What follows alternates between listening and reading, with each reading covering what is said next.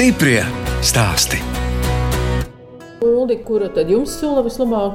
Melniņa. Bet brīvlērīts, kur tomēr ir? Bet, kad brīvdi sāku nesāt, tad melniņa laikā varēja nomest no to brīvdi. Tas ir vasarā. Ja? Jā.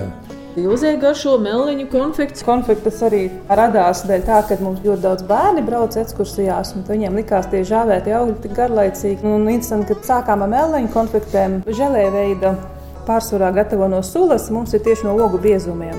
Un nosaukums Melanāde, mīkstās konfekts, radās arī no vienas ekskursijas, kur bērniem mēs kopīgi domājam, nu kā tagad nosauksim.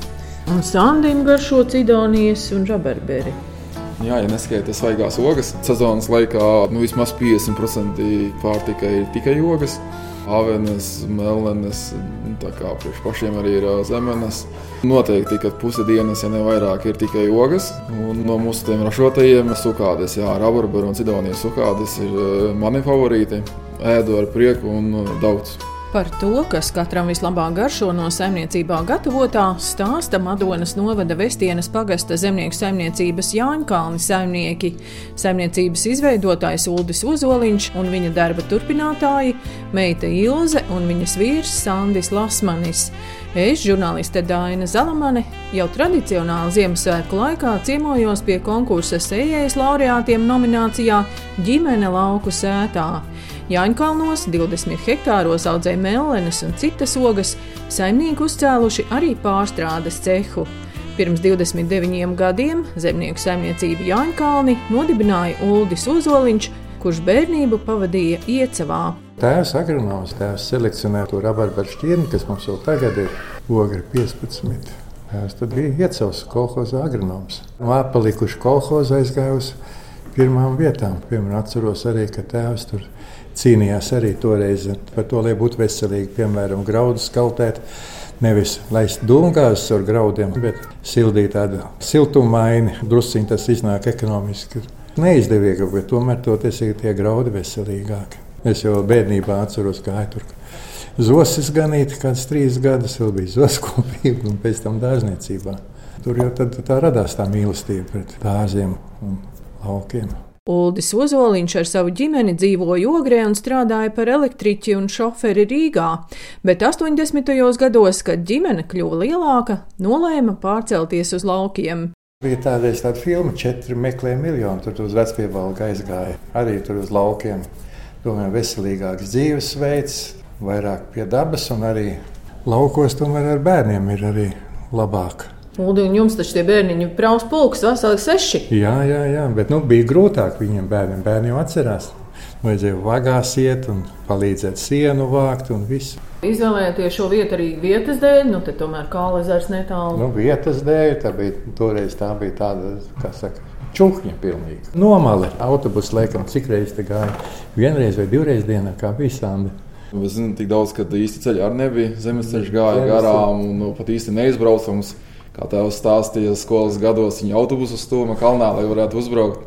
Kad jūs atnācāt kaut kādā lopiņā, nebija, nu, ja bija tik liela ģimene, daudz bērnu, kā Nē, nu, Krievu laikā jau bija lopi, jā, govs un kāda aita laikam bija.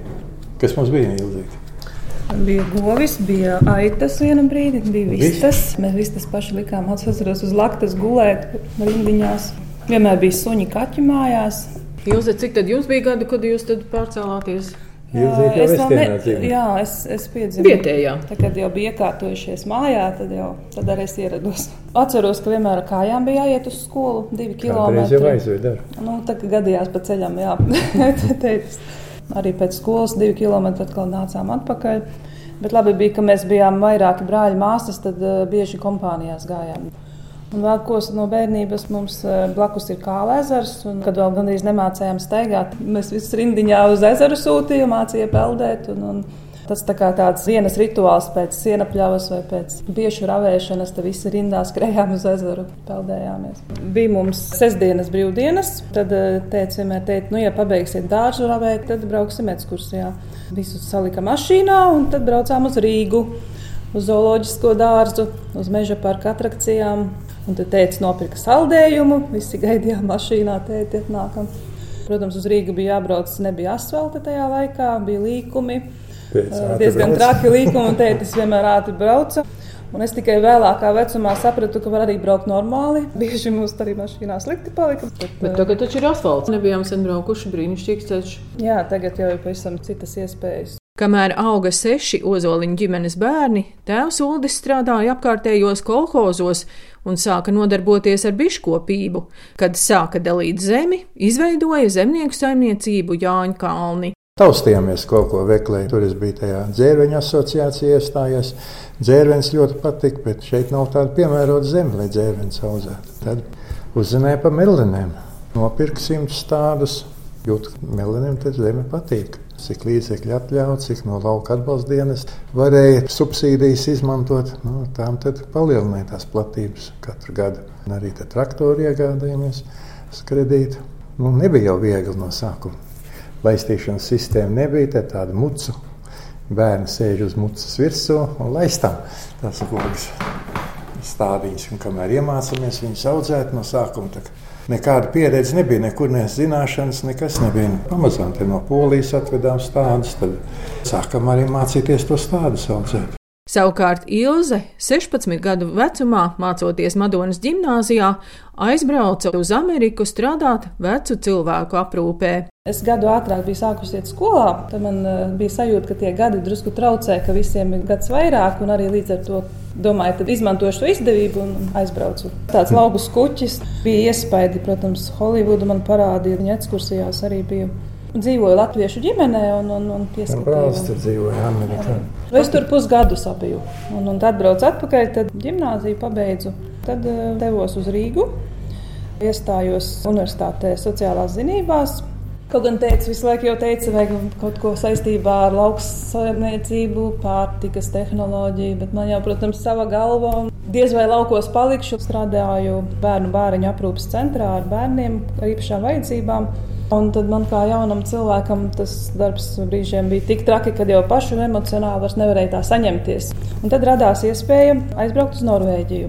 Kā brīvprātīgajam strādāju internātu vidusskolā ar vidusskolniekiem. Bērni bija gandrīz manā vecumā, bet man viņi bija. Internātā jāčeko iekšā vakarā, un atkal jāpārbauda, viss ir istabiņās. Līdzīgi kā komandants. Apgūnu norvēģu valodu un sanāca, ka paliku ilgāk tajā Norvēģijā pavisam 8, 9 gadi. Tajā laikā šeit eh, tētis un eh, mans brālis pamazām attīstīja šo saimniecību un domāja par eh, šī ceha būvniecību. Un tad bija nepieciešams kāds, kas te arī darbojās tajā cehā. Es tajā brīdī strādāju par skolotāju privātā pamatskolā. Viņi teica, tā, nu, mēs tev iedosim gada atvaļinājumu bez algas, aizbrauc, izmēģini, un, ja tu saproti, tev Latvijā nedara nekas, nu, brauc atpakaļ. Tad es izmantoju to iespēju, atgriezos Latvijā. Gads paskrēja ļoti ātri. Man iesaistīja Vestienā uzreiz eh, tautisko deju pulciņā. Latvijā vairāk iespēju, kur izpausties. Tu basām kājām pa pļāvu, brienu. Un, un Norvēģijā tu pat nevari atrast pļāvu, kur tu drīkst iet, jo viss ir privāti īpašums, viss ir nopļauts un sakopts. Un nu, droši vien uzkāpjot te kalnā pie tām krūmēlēm, pastieties uz kālu ezeru. Un, un tad jau sirds saprot, ka ir īstā vieta. Mm, ezers vienmēr tā kā gleznē ir. Katru dienu viņš savādākās krāsās nokrāsās. Ir ceļš vakaros no rītiem. Fantastiski! Vēl viens iemesls, kāpēc Ilze palika Latvijā, šeit viņa satika savu topošo vīru, Sandi, kas arī dzimis Vestienas pagastā un jau kopš bērnības bijis liels tehnikas fans. Tā mīlestība pret tehniku man laikam ir bērnības. Zinājis dziesmu, kas skan, tas vienmēr ir piesaistījis un vienmēr ir tā kā sirds ietrīcējusies. Kad kad zinājis uzņem apgriezienus. Cik romantiski izklausās, zinēja dziesma pilnīgi. Jā. Pamatskolā ejot, tiku pie sava pirmā mopēda, pēc tam pie pirmā motocikla. Protams, nekas nebija jauns. Viss prasīja lielu, lielu uzcītību, lai tas darbotos. To ir elektronika. Arī elektroniskās problēmas nav grūti atrisināt pašiem, minimālos mērījumus izdarot. Tādā ziņā atkal es redzu, ka cilvēki ir atšķirīgi. Man liekas, vispār tas virziens vairāk humanitārais ir valodas un mūzika. Man skolotāja teica, Ilzīt, tu nerunā, es zinu, ka tu zini, lai citi tagad eh, atbildes saka. Cik es esmu humanitāra, tik viņš atkal vairāk ir ar loģiku un matemātiku saistībām. Valodas skolotāji noteikti nebija priecīgi par mani. Tā skaitā pat arī latviešu valodas, bet matemātikā, fizika, ķīmija ļoti gāja. Nu, manā gadījumā bija tā, ka matemātikā neļāva runāt. Jo es jau pamatskolā biju krietni tālāk nekā citi, jo visas papildu vielas izgāja. Zinu, ka maijā bieži Jo man bija jāsēž uz soliņa laukā ārpus klases, kamēr citi vēl mēģināja mācīties. Stāstīt, ko jūs mācījāties? Es mācījos Rīgas Tehniskajā koledžā, telekomunikācijas. Sakarnieki vajadzīgi visur bija. Es strādāju studenta gados Rīgā, tad piedāvāju iespēju strādāt Madonā, kļuvu arī par uh, uzraudzības inspektoru telekomunikāciju uzņēmumā. Radās vēlme pēc sava darba, tā lai pats savas dienas noteicējs būtu kaut kā tieši sakrita, kad eh, iepazīšanās ar Ilzi un uzreiz arī tās darba maiņas notikās. Tad pieslēdzos eh, Ilzai palīgā. Uldi, jūs jau teicāt, ka tad, kad eh, Sandis sāka darboties, tad jūs tā pamazām atkāpāties ja, no darba jā, pienākumiem. Jā, jā. Tas būs īstais palīgs meitai. Ja? Jā, jā. Gan meitu uzticēt, gan saimniecību uzticēt. Stiprie stāstī.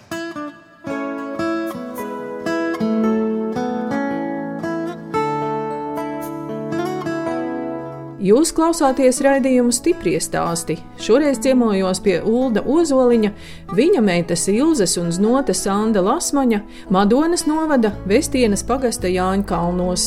Viņi ir šī gada konkursa sējais laureāti nominācijā ģimene lauku sētā.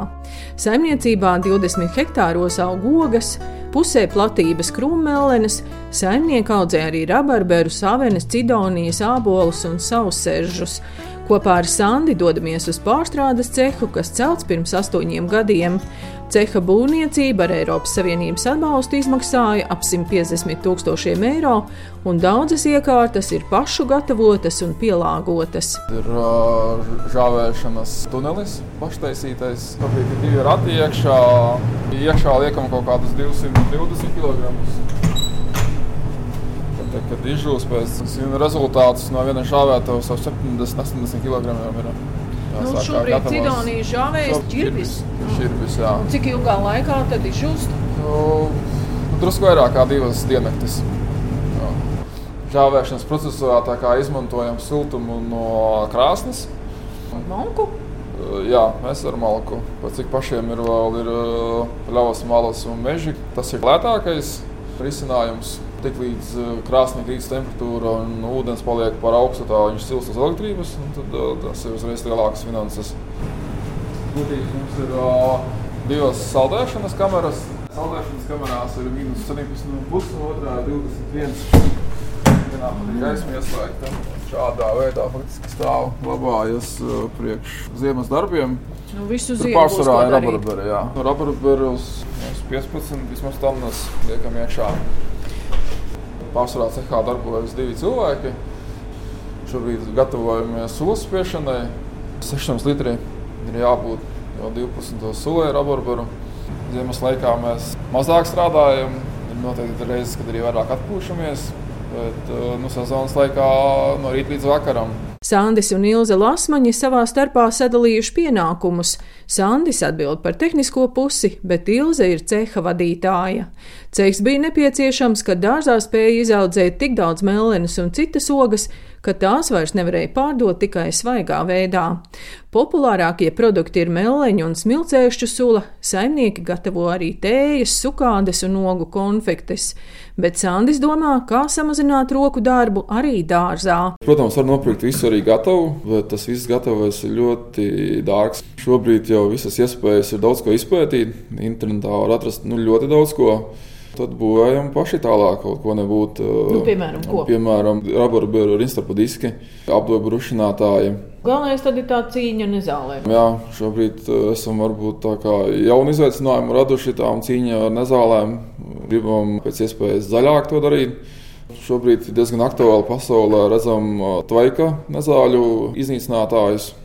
Faktiski ar ūdens tvaiku vienkārši nezāles dedzina un aplaucē. Un noteikti cilvēki saprot, ko nozīmē 10 hektārus melnenes, dažus hektārus cidoniju un rabarberu, pāriet ar kaplīti. Tad vai laikam mēs par biznesu nerunātu, tas jau būtu hobijs.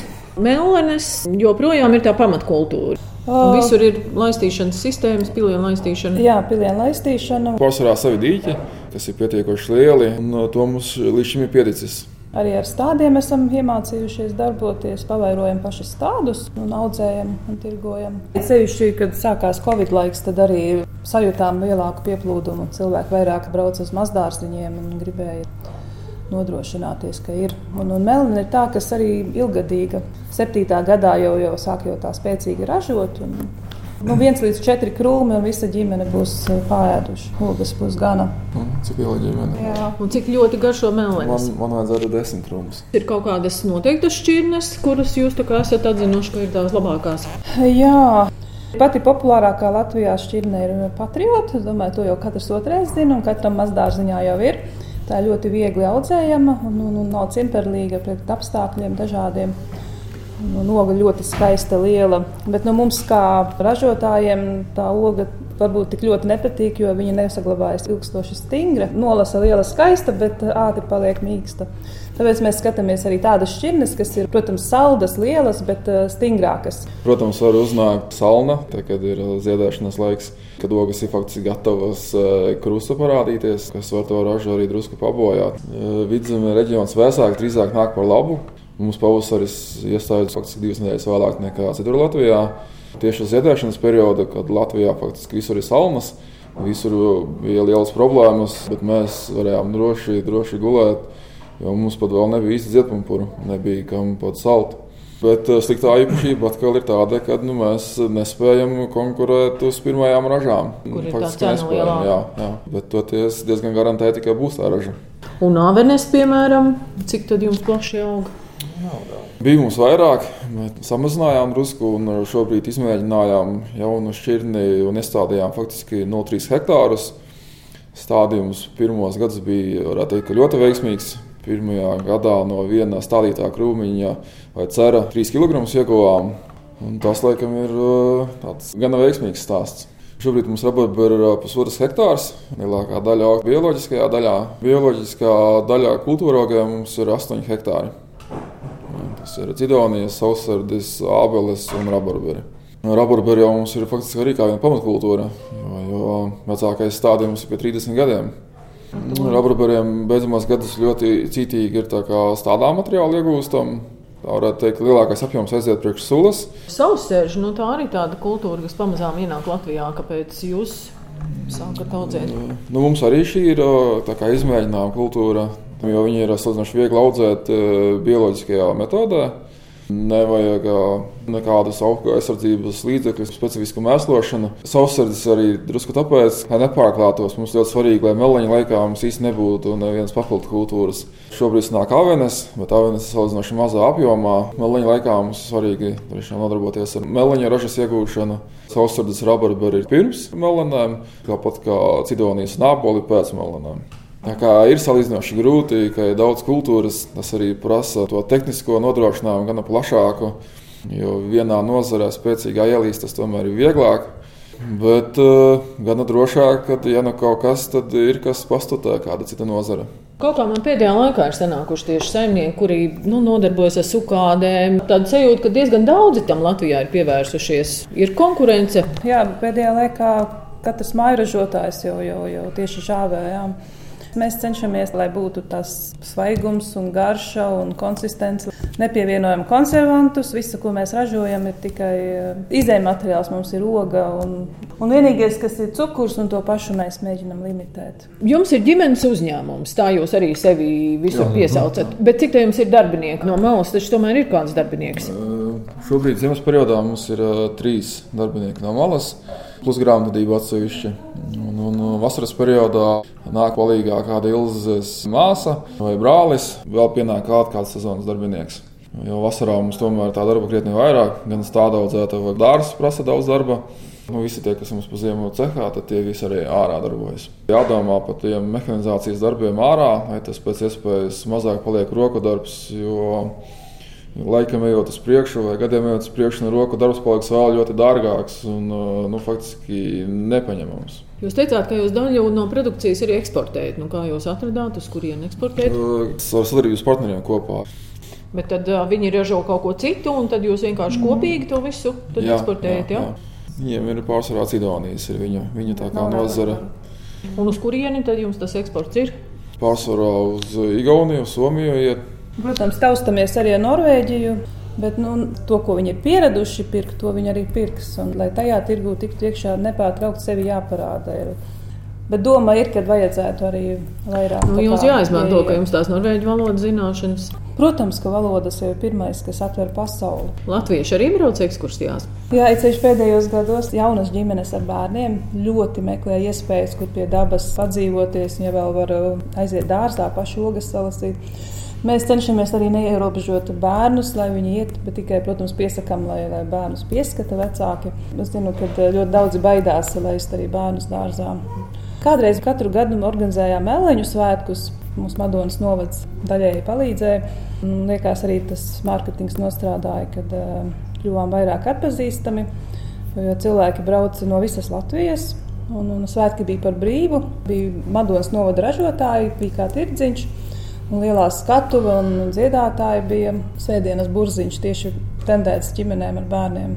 Es domāju, tas ir tas, kas tagad arī tieši pietrūks, nu, kad vajadzīgas vietas, kur ja tev nav kur aiziet, tad tu arī no mājas neiziesi. Vajadzīgs mērķis, uz kurieni doties. Un, un, lai bērniem būtu interesanti, un līdz ar to arī vecāki uzkavēsies.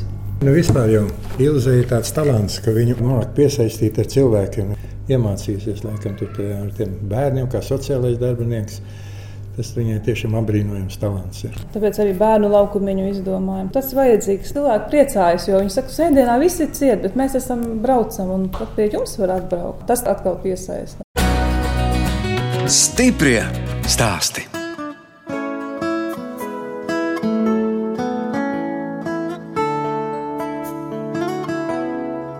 Jūs klausāties raidījuma stipri stāstī. Turpinu ciemoties Madonas novada Vestienas pagasta Jāņkalnos pie konkursa sējējas laureātiem nominācijā ģimene lauku sētā Ulda Ozoliņa, viņa meita Silzes un Znota Sanda Lasmaņa. Uldim ir seši bērni, un visi gājuši mūzikas skolā. Kur tā mūzikas skola pat Vestīnā? Uh, bija ērgļos. Ērgļos viss arī beidzās pēc laika, un bija vēl tālāk jābrauc uz Madonu. Es mācījos violu spēli, klavieres obligātās bija. Tagad arī mājās man ir klavieres, un tad mēs vakaros varam. Arī tas ir relaksācijas veids, kā attiekt no darba. Vienkārši paņem un paspēlē kādu skaņu darbu. Un uldis un klarnete? Es mācījos klarneti, jā. Man tāds sapnis bija, kad uztaisīja tādu ģimenes ansamblī, tur klasisko kameru ansamblī. Tev es biju gatavs iemācīties arī kontrabasu, lai varētu paspēlēt, piespēlēt klāt. Bet, nu, tad sākās visi tie juku laiki. Bet bērni pārāk ātri izklīda visi. Jā. Bet tad, principā, katrs no sešiem bērniem kaut ko spēlē. Jā, no Daina tā jau diezgan profesionāli līmenī apgūt to violīti. Sandra Flauta spēlē, Māris Čello mūziku mācītos, tas arī bagātina cilvēku dvēseli, izdeļo, un cilvēks var saprast arī klasiku mūziku, ne tikai to šlāgers. Ilzes brālis Māris, kas kopā ar tēvu darbojās zemnieku saimniecībā Jāņkalni, tagad strādā Norvēģijā, bet vasarās, tāpat kā citi, arī palīdz saimniecības darbos. Vecākā māsa visus savus atvaļinājumus pavada pie mums. Tie ir tie tuvākie cilvēki, kuriem visvieglāk ir sastrādāties. Mums pat ir tāds sapnis, ne tik daudz piesaistīt eh, svešo darba spēku, bet pašiem, katram sava nozare. Jo šeit ir gan cehs, gan dārsts, gan bioloģiskā daļa. Vēl ir ekskursiju pieņemšanas. Tāda audzētāja gan plaša, kas nu, tiešām prasa daudz darba. Tā kā būtu iespējas visiem atrast savu nišu. Bet kur tad pārējie vairāk tad Rīgā? Kā nu kurš? Jā, nu divi brāļi ir Norvēģijā, Viena māsa vecākā Rīgā jau daudzus gadus, un, un mazā māsa tā mums bērnu slimnīca darbojās. Viņa tagad bērnu ķirurgs ir. Saimniecībā tāds skaists nosaukums Jāņa Kalni, nu tad Jāņos kalnā visi arī pulcējas. Jā, nu mēģinam reizi gadā satikties visi vasaras vidū. Jūlijas, augusts. Vairāk tagad ir sezona. Meleņu laikā. À, lai var stājiesties, jā. Mums Jāņkalna ir kā tāda pulcēšanās vieta, un tā arī paliks, ka te ir vieta visiem. Es arī domāju, ka savādāk nevar būt, jo visi seši esam izauguši, un tas bērnības siltums vienmēr gribas atgriezties. Nu, vēl par vaļaspriekiem izstāstiet, ko jums patīk brīvajā laikā darīt. Ja jums tagad Edgars arī daudz ko diktē, droši vien savus noteikumus. Jā, līdz mazā piedzimšanai bija ļoti daudz laika arī vaļaspriekiem. Tas mums ar Sandu ir līdzīgi. Mums abiem ļoti patīk mocīši. Braukājam, katrs ar savu, protams. Man bija Norvēģijas laikos ceļošana, tad arī šķiet visu apgūvu, cik varēju. Nu, jā, arī sniegadējos, tas no 16 gadu vecuma jau, ka Latvijā tikko sāka Tad arī sāku apgūt. Tas arī Norvēģijā bija ļoti viegli iespējams, jo, jo tur kalni, lielie pacēlāji, viss ir rokas stiepiena attālumā. Bet uh, jau trīs gadus, uh, var teikt, mazais piedzima, kad uh, uzņēmums vēl pa vidu un bērniņš, un tad pilnīgi aizmirstu par visu pārējo. Teiksim, tā kā atpūta varētu būt vasarā izbraukt ar velospēdiņu, 25, 35, 40, 60, ziemā uzslēpot. Viss apkārt jau faktiski trases, arī Vestinā taisa, ērgļos, Madonā, Vietālā. Visur ir slēpošanas trases. Viena daļa ir vakarā apgaismotas. Uldi, es zinu, ka pensionāri arī šajos laikos ir ļoti aktīvi un viņiem arī ir visādi. Jā, nu, man jaunībā viss arī patīk ļoti ceļot, apceļot diezgan daudz. Savai veselībai, pa ziemu slēpot, vasarā peldēt, ar velospēdu braukt, cenšos būt aktīvs. Kā jūs šogad sējējā piedalījāties, kāds jūs izvirzīja, ieteica? Jā, jāsaka paldies Madonas meitenēm, LKC centram. Viņas mums bija pieteikušas konkursam. Viss notika attālināti, vērtēšana arī bija. Tad mēs izgājām augšā dārzā ar datoru. Un eh, tad arī oktobrī mums teica, ka pie mums brauks ciemos kāda slavenība un tiks filmēts sižets priekš eh, sējēju. Tad pie mums atbrauca astronauta Māra. Māra Upmane, Kolsteina. Jā, jā. Un, un, un tā bija ļoti skaista svētdiena. Ar visiem bērniņiem? Jā, jā nu, tad bērniņiem. vispār. Un vēl bija palikušas vēlās šķirnes ogas, varējām kopīgi palasīt mellenes. Ļoti skaista diena, saulaina. Tā bija. Interesanti. Un jāsaka liels paldies Zemkopības ministrijai par šādu konkursu. Tiešām mēs jūtamies ļoti novērtēti. Bija arī naudas balva, kuru mēs arī esam jau izlēmuši, kā izlietot. Sev vai uzņēmumam, kur tad ieguldīsiet? Tā, tā kā dalība. Faktiski viss ir tā kā labi iekārtošanai. Drusku sakārtot arī mūsu peldvietu pie ezera.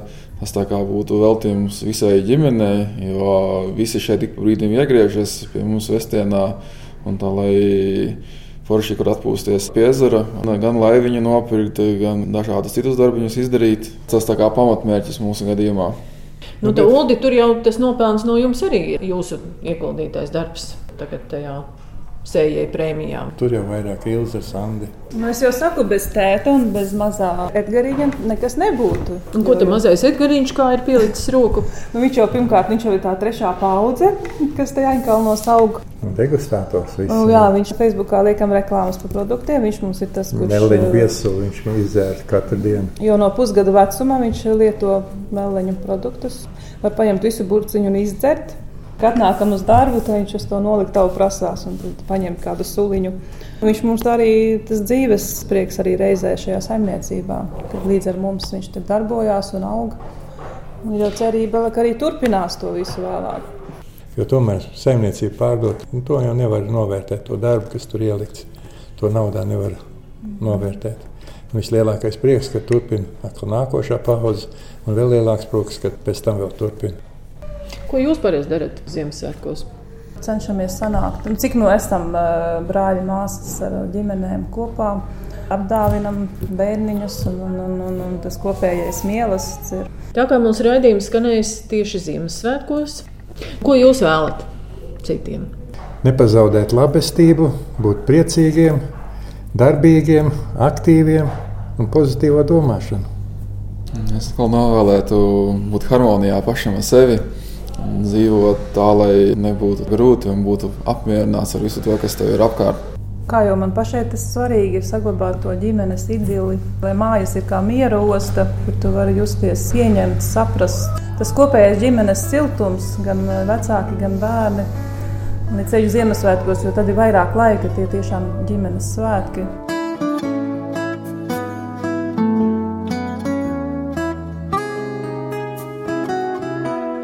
Radījums stipri stāst izskan, un mēs atvadāmies no šī gada konkursa sējais laureātiem nominācijā ģimene lauku sētā.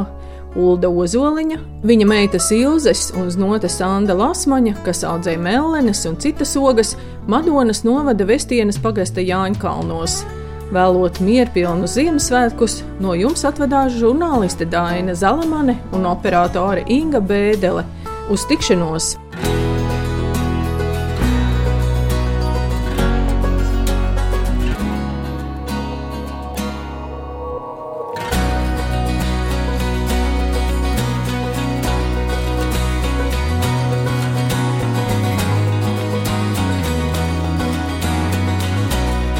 Stiprie stāsti.